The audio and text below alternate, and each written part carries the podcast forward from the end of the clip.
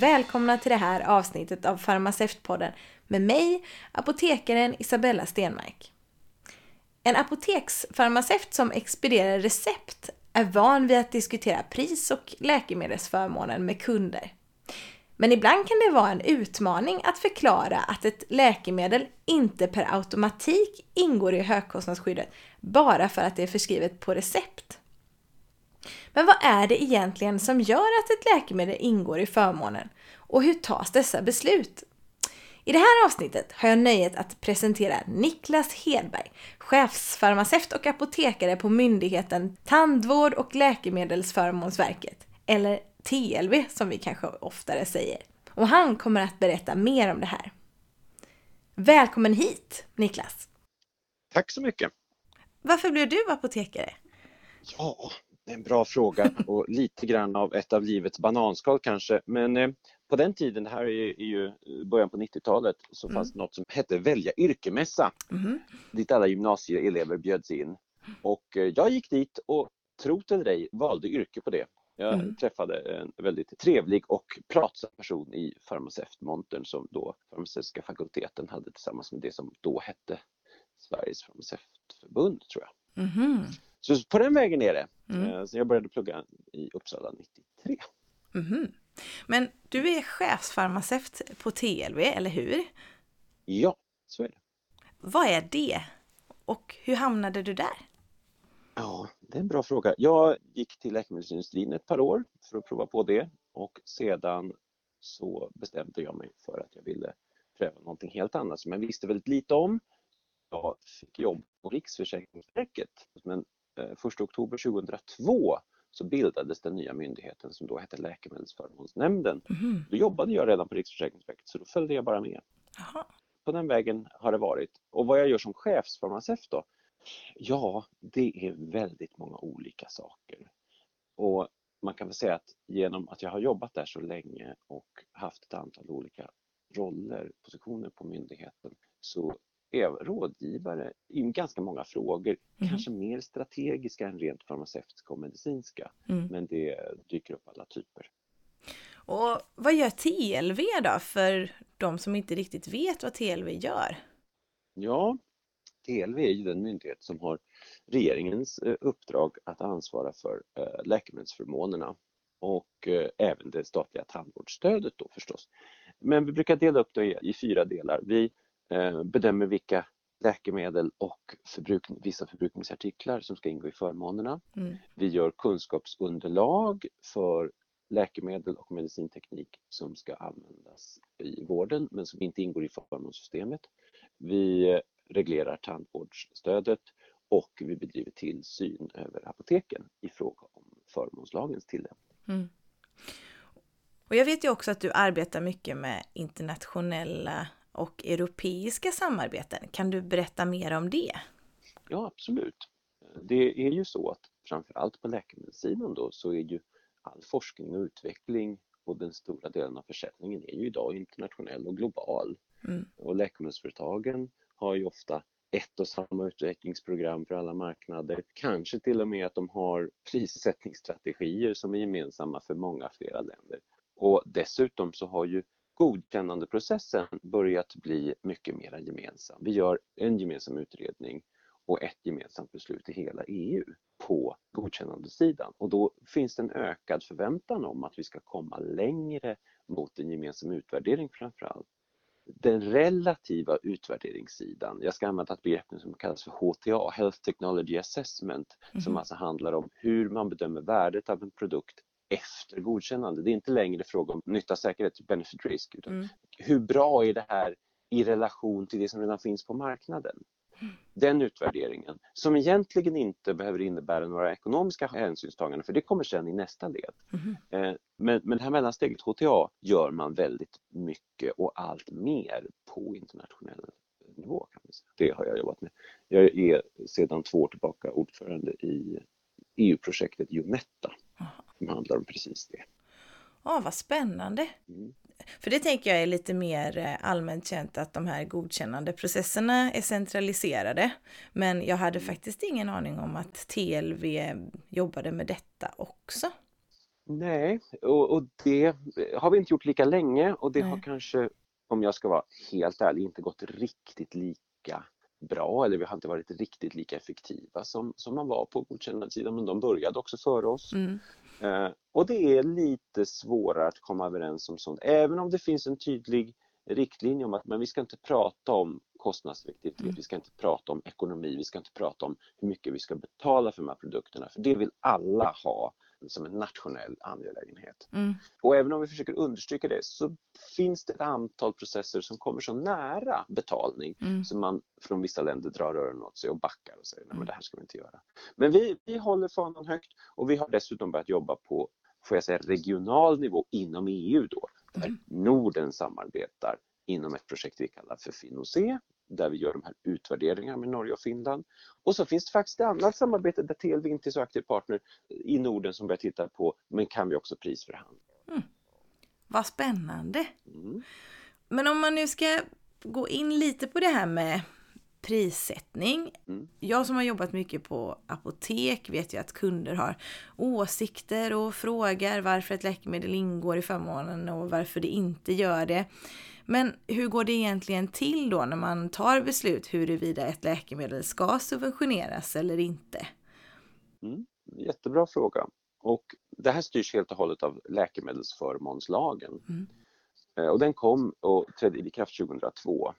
Och, och, det finns en hel rad saker som läggs fast i läkemedelsförmånslagen, till exempel att alla bedömningar ska göras utifrån den etiska plattformen. Liksom de grundläggande kriterierna med människovärdesprincipen, behovs och solidaritetsprincipen och kostnadseffektivitetsprincipen.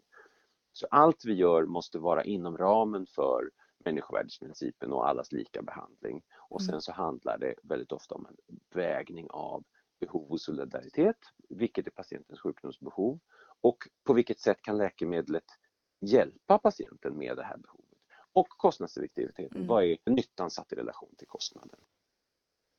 Och på övergripande nivå så är prissättningen för läkemedel fri i Sverige men inom förmånerna så måste man ansöka till oss för att få ett förmånsberättigat pris. Och då innebär det att läkemedelsföretaget är de som ensamma har rätt att initiera en process. Vi kan som myndighet inte lyfta in en produkt i förmånerna. Läkemedelsföretaget ansöker till oss, vi granskar deras ansökan, nämner för läkemedelsförmåner som finns inom TLV men som är sju personer som är utsedda på personligt mandat från regeringen mm. fattar då beslut, ska produkten ingå i förmånerna eller ej? Mm. Och det är läkemedelsföretaget som har skyldighet att lägga fram den bevisning som vi behöver för att kunna göra vår prövning. Men är det en uppfattning att de flesta företag eller läkemedelsföretag vill vara med i förmånen eller kan det vara lite olika? För 15 år sedan så var det ju alla. Aha. då fanns det något enstaka exempel. Jag tror att till exempel att för håravfall så var det mm. något läkemedelsbolag som hade gjort ett strategiskt ställningstagande och sagt att den här produkten, vi söker inte om den. Nej. Men det är unika fall, alltså anekdotiska fynd i historien. Idag så kan man säga att det har skett en stor förändring och det är att så mycket går inom slutenvården. Ja, just det. Eh, att man inte behöver ha förmån för till exempel cancerläkemedel eller Nej. sånt som ges en infusion eller, eller, liknande. Men där har ju TLV fått anpassa sin verksamhet väldigt mycket för att kunna bistå regionerna med hälsoekonomiska kunskapsunderlag. Så då gör vi ungefär samma jobb som för ett förmånsläkemedel internt men istället för att skicka ett underlag till våran interna nämnd för ett beslut så skickar vi den till NT-rådet för att de ska titta på den när de fattar en rekommendation. Just det, och NT-rådet är väl? Det är regionernas samverkansgrupp för, de, regionerna har en samverkansmodell för läkemedelshantering som innehåller ett antal olika delar och NT-rådet är en av dem. Det är de som, som sitter ihop och tillsammans utfärdar en rekommendation som man vill att regionerna ska, ska följa. Men om ett läkemedel redan ingår i förmånen, alltså att ni har fått en mm. dokumentation ni har och sådär, kan det vara så att ni beslutar att det inte ska vara med längre? Det kan det vara, även om det är ovanligt. Mm. Men vi kan under vissa förutsättningar i samband med genomgångar eller omprövningar som vi snarare säger mm. besluta att ett visst läkemedel inte längre ska ingå i förmånerna.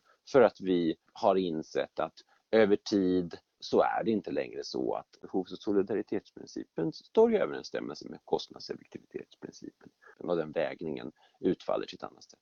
Det är en process som ofta är ganska lång. Mm. Vi gör det väldigt noggrant. Vi kommunicerar med läkemedelsföretag och berörda patientföreningar eh, med mera. Med mera. Så att ett, ett beslut från oss att aktivt ta ut en produkt, det är ovanligt. Jag minns ärligt talat inte när det skedde senast. Det är förmodligen flera år sedan och det kommer aldrig som en överraskning för så att säga, patientförening eller företag. Det kan ju vara enskilda patienter förstås mm. och, och, kanske inte minst enskilda apotek mm. som inte var medvetna om det här. Men det har alltid kommunicerats av oss väldigt, väldigt tydligt. Sen finns det ju ett annat tillfälle som gör att produkt kan försvinna och det är ju när läkemedelsföretag tar bort produkterna ur förmånerna. Och varför gör de det då? Ja, mm. antingen för att produkten ska försvinna från marknaden, att den försvinner helt och hållet. Det, det har vi ju sett exempel på. De är väl inte heller så jättevanliga men, men man slutar tillverka. Marknaden globalt är för liten eller man hade för stora problem med, med processstegen eller vad det nu kan vara. Det kan vara olika skäl. Och sen finns det några tillfällen när bolaget säger vi tjänar för lite pengar på den här produkten i Sverige. Vi vill mm. öka vår, liksom, våra inkomster, mm. våra intäkter. Och då kan man söka om prishöjning Aha. hos TLV. Det är ett, ett ganska smalt fönster men det går att söka om prishöjning på en produkt och ibland får man det och då tillfredsställer det de här behoven. Vi försöker att minimera risken att produkten försvinner från marknaden mm. samtidigt som vi måste hålla oss till de här människovärdesprinciperna.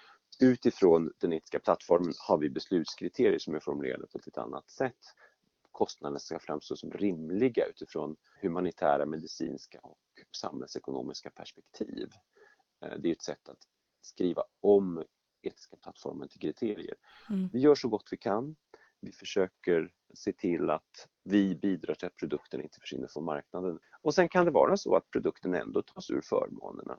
Teoretiskt sett för att man inte har fått en prishöjning eller för att man har fått den och tyckte att den, den inte var tillräckligt hög. Eller för att man, man tar ut den ändå. Mm.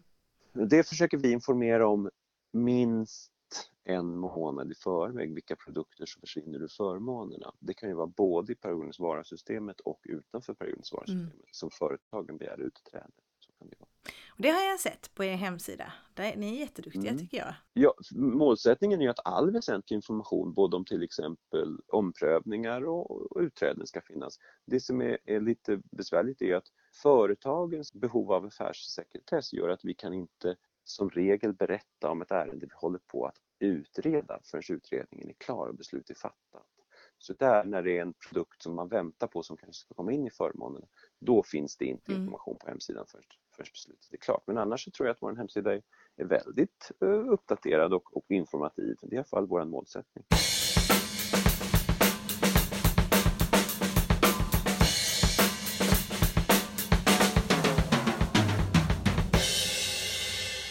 I Sverige har vi det här med periodens vara och priserna ändras en gång i månaden. H hur går det till? Ja, det här med, med generiskt utbyte kom ju samtidigt som, som läkemedelsförmånslagen och sen så var man ju tvungen att, att justera systemet när apoteksmarknaden omreglerades. Mm. Så att vi har ju idag eh, systemet med periodens vara.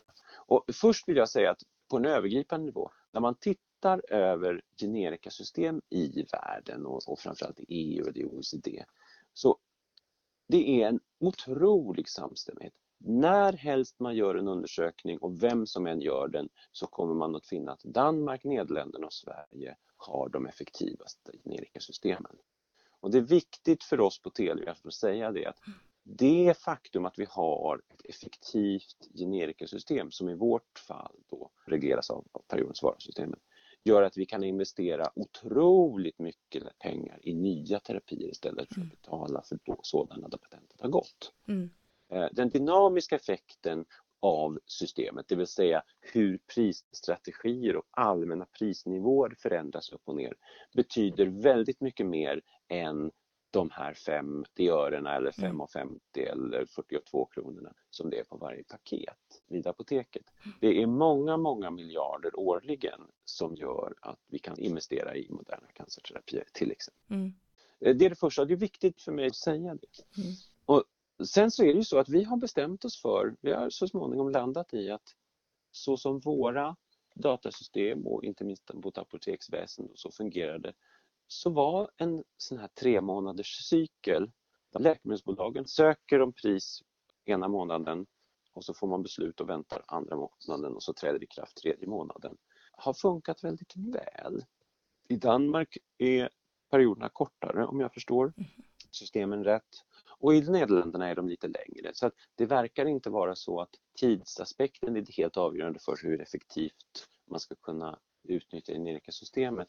Men, men vi har hittat ett system som funkar väl mm. och som ju också faktiskt generikaföretagen är väldigt nöjda med. För det är så otroligt förutsägbart, det är så transparent. De vet hela tiden precis vad som gäller. Och konsekvensen blir ju att det kan bli ett nytt pris för ett läkemedel i praktiken varje månad. Nu, nu sker väl det väldigt, väldigt sällan. Men eh, läkemedelsbolagen har möjlighet, och det är framförallt generikabolag, att söka före varje månadsskifte. Och det är helt enkelt så att den som, den som kan tillhandahålla läkemedel till det lägsta priset vinner marknaden. Eftersom det är 10 miljoner personer mm. på ett bräde, på ett beslut över en månad, så finns det ett, ett marknadsincitament att gå ner i pris. Det finns också en säkerhetsventil i systemet så att om man går för långt ner så har man möjlighet att gå upp igen. Vi har ju ganska många prishöjningar och det mm. är ju för att man ska våga utmana systemet och våga gå ner. Jag tror att det är en del av effektiviteten i systemet. Sen kan man inte gå över takpriset. Det är viktigt att säga. Det finns ju, finns ju ett, ett högsta accepterat pris i varje utbytesgrupp. Aha. Sen har vi gjort ett antal justeringar vad det gäller slutförsäljningsperiod och mm. kanske indelning i, i, i förpackningsstorleksgrupper och sådana saker. Men grunden har visat sig att det ur ett samhällsperspektiv har funkat väldigt väl. Sen förstår jag som, som apotekare att det ibland är frustrerande både när man är patient och kanske när man jobbar på ett apotek att ha ny periodisk vara allt för ofta och att ha de här diskussionerna om 50-öringar och kronor mm. Eh, som man kan tycka att det betyder väl ingenting. Men, men i det stora hela så måste man se till att det uppstår dynamiska effekter till följd av de här skillnaderna på en krona och 50 mm. öre. Och de vill vi inte vara utan, det kan jag nästan garantera som på samhällsnivå. Alltså ibland om en kund har åsikter om den här 50-öringen, då, då kan det vara ganska effektivt att säga, men du får tänka att det här gäller ju inte bara dig, du får ju gångra det med ja, 10 miljoner då, eller hur många vi är idag. Och sen jag tycker personligen att i kundmötet så har jag slutat att fokusera på det här med pris faktiskt. Jag pratar inte om det billigaste läkemedlet för jag tycker inte det är relevant. Jag vill ju fånga upp vad, vad vill kunden ha? Har du önskemål liksom? Och utifrån det tar man diskussionen sen. Alltså de, för de är så vana vid att byta märke idag så att eh, ja, man kan styra dialogen på väldigt många olika sätt så att det blir mycket, mycket bättre så att man inte fastnar på den här femkronan eller vad det nu kan vara. Vad bra att du säger det och tyvärr som sagt jag har ju egentligen ingen förstahandserfarenhet av det här längre. Men jag hör ju i branschen så från andra mm. att man har lite olika förhållningssätt och lösningssätt för sina individuella kundmöten. Ja. Det, det, är väldigt bra att du, att du säger det där. Och, och det jag än en gång från vår sida vill skicka med att generellt sett så kan man säga att det finns exempel där man nu konstaterar att ja men nu måste jag ta en diskussion om priset ska vara 48 eller 44 kronor. Men hade vi inte haft systemet där det faktiskt är så att det gör skillnad mm. för patienten på 44 eller 48 kronor, då hade priset varit 148 mm. och 144. Ja. För det var ju det vi kom ifrån. Mm.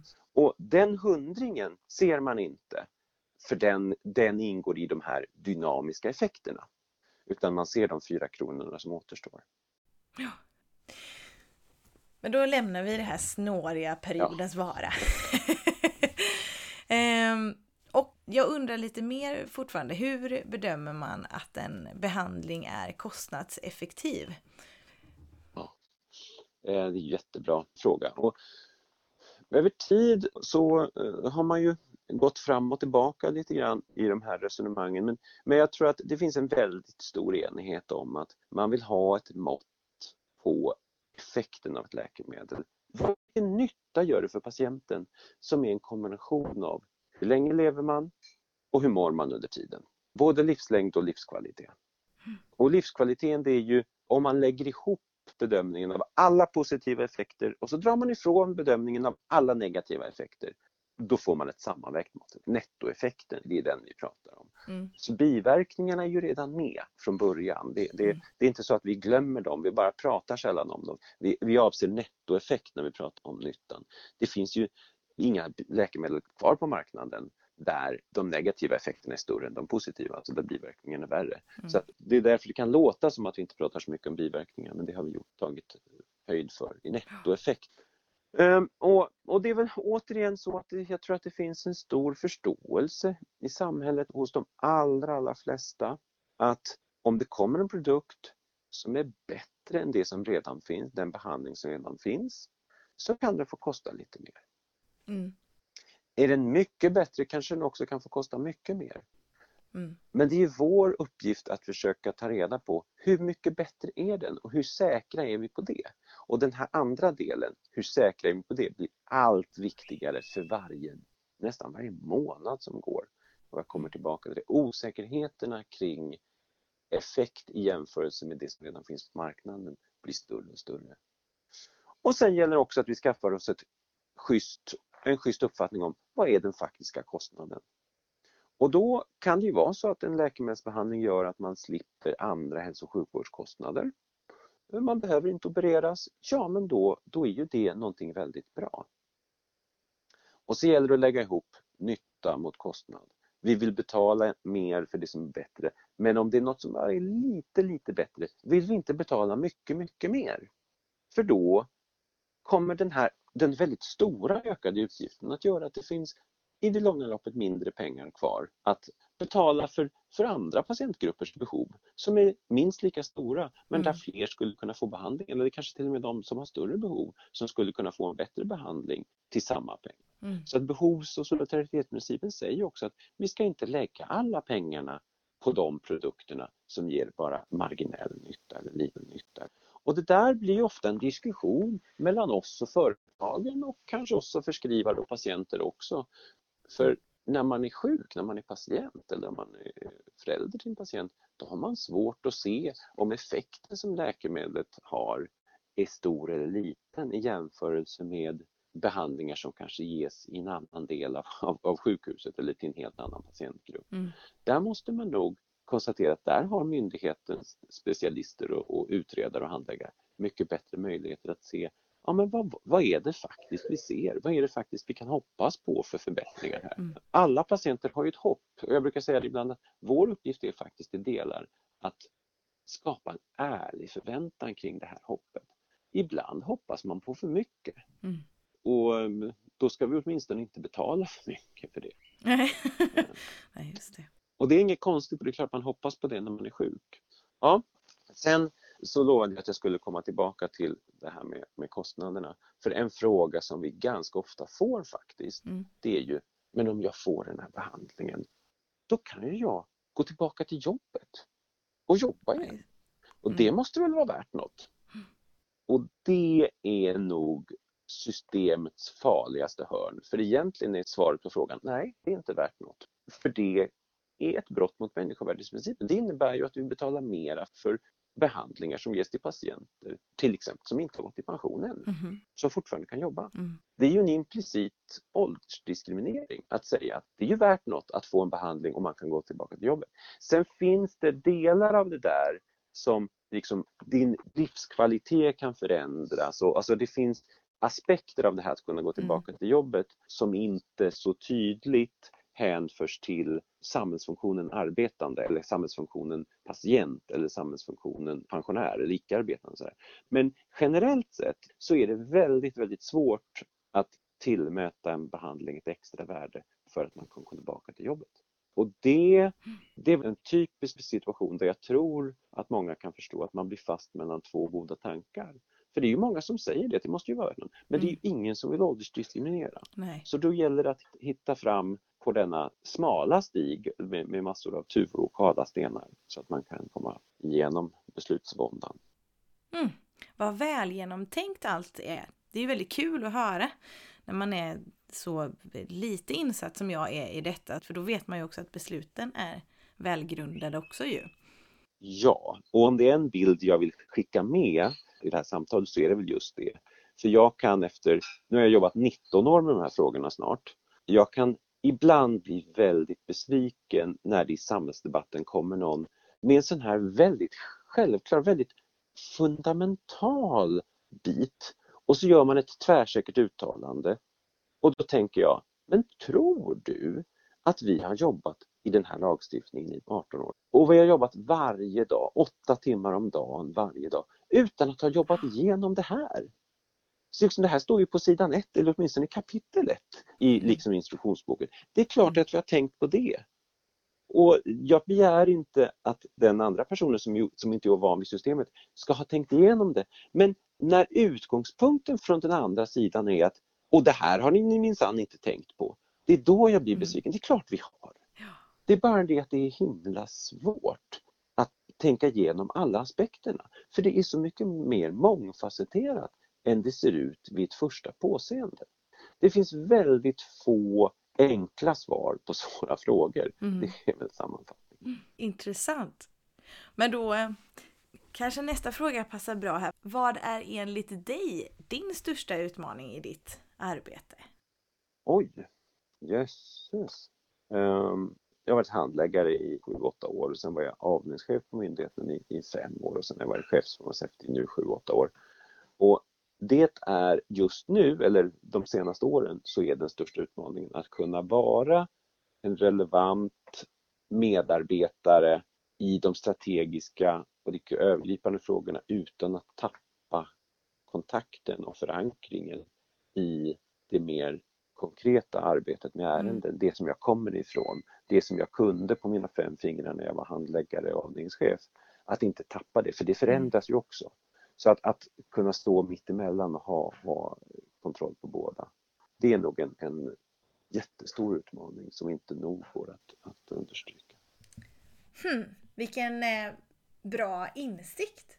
För eh, det tror jag är jätteviktigt, alltså oavsett var man jobbar, att man har en inblick i eh, verksamheten och verkligheten. Så det svaret tyckte jag väldigt mycket om. Det är en bra ledare. Jo, jo, det tycker jag. Det är viktigt. Och eh, innan vi rundar av den här lilla intervjun så undrar jag vad det är för andra arbetsuppgifter man kan ha som farmaceut på TLV? Mm.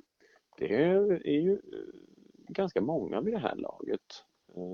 Jag har inte räkningen på hur många farmaceuter vi är längre men vi är, vi är över 20, förmodligen över 25. Mm. Det vanligaste är väl att man är det vi kallar för medicinsk utredare, det vill säga den största andelen tror jag fortfarande jobbar med att ta emot ansökningarna från läkemedelsföretag mm. och granska dokumentationen och bidra till den här hälsoekonomiska utvärderingen som antingen då ska till, till nämnden för läkemedelsförmåner för beslut eller till NT-rådet för rekommendation. Men sen så har vi utredare som jobbar med, eh, ja vi pratade lite kort om omprövningar de gånger vi har det mm. idag också, som deltar i trepartsöverläggningar när företag och regioner förbereder sig för att kanske teckna prisavtal. Och sånt. Vi kan ju inte teckna några prisavtal men vi kan vara med i diskussionerna, mm. där finns det några som bidrar. Eh, vi har pratat om prishöjningar mm. som är ett nog så eh, en nog så grannlaga uppgift med alla de aspekter som finns av, av den. Eh, det är mycket färre ärenden men, men o så speciella och med så mm. mycket liksom, vinklingar allihop. Eh, det är naturligtvis så att vi har en del att göra med får jag säga lite mindre vanliga läkemedelstyper som licensläkemedel, mm. eh, ärenden numera om tillfällig subvention, lagerberedningar och rikslicenser och så småningom extempore och extempore taxa. Mm. Men naturligtvis också periodens vara-systemet. Mm. Prishöjningar upp till tak, prissänkningar, allt det här som liksom den här priskonkurrensen. Eventuella undantag från 15-årsregler och andra saker som kanske inte syns så tydligt i alla, alla delar av läkemedelssystemet som är en bit av att periodens vara-systemet ska vara så effektivt som möjligt. Och sen naturligtvis så kan man jobba med tillsyn över apoteken mm. och en del övriga projekt. Vi får regeringsuppdrag, just nu har vi haft kring DOS, eh, vi, vi får regeringsuppdrag kring eh, real world data som är ett begrepp som inte alla uppskattar men som vi använder ganska brett ändå. Avancerad terapi och sådana saker. Det, det är ju mera specifika insatser när regeringen säger att här vill vi att ni ska göra en insats. Men som apotekare eller farmaceut tror jag man kan jobba på alla de här ställena. Och nu tror jag att jag har nämnt nästan allt utom det som kanske är våra interna liksom. Det är väl inte så jättemånga farmaceuter på HR och kommunikation även om man måste bidra i kommunikationsarbetet för det ingår faktiskt som en del av kärnverksamheten. Och, det är inte så många farmaceuter som jobbar med ekonomi och ej heller med tandvård. Men, men jag hoppas att jag inte har glömt allt för många olika uppgifter man kan ha. Men det, det är väldigt brett fast det är ju inom läkemedelsförmånssystemet. Mm. Hur mycket ska vi betala för vad? Oavsett om det är små pengar eller stora pengar. Mm det finns ju väldigt mycket att göra på TLV och väldigt många intressanta frågeställningar och svåra mm. som du har varit inne på. Absolut, jag tror att det är det som, som driver så många av oss under så lång tid att det är, det är väldigt spännande. Jag ska, svårt, ja, men svårt i benämningen spännande. Det är hela mm. tiden en ny typ av utmaning och man måste tänka till. Det är svårt att göra speciellt många saker på rutin utan det, det, allting förändras ganska kontinuerligt. Mm. Stort tack Niklas för mm. att eh, du har berättat mer om det viktiga arbete du och dina kollegor gör. Ja. Det känns bra att få lite mer information om hur TLV arbetar. Mm. Tack ska du ha. Roligt att få berätta. Mm. Ja, ja. Tack till alla er som har lyssnat. Tycker du om Farmaceutpodden får du gärna följa den på Instagram eller Facebook och du vet väl att alla avsnitten finns att lyssna på på Spotify. Ta hand om er och tills vi hörs igen. Hej då! Hej då!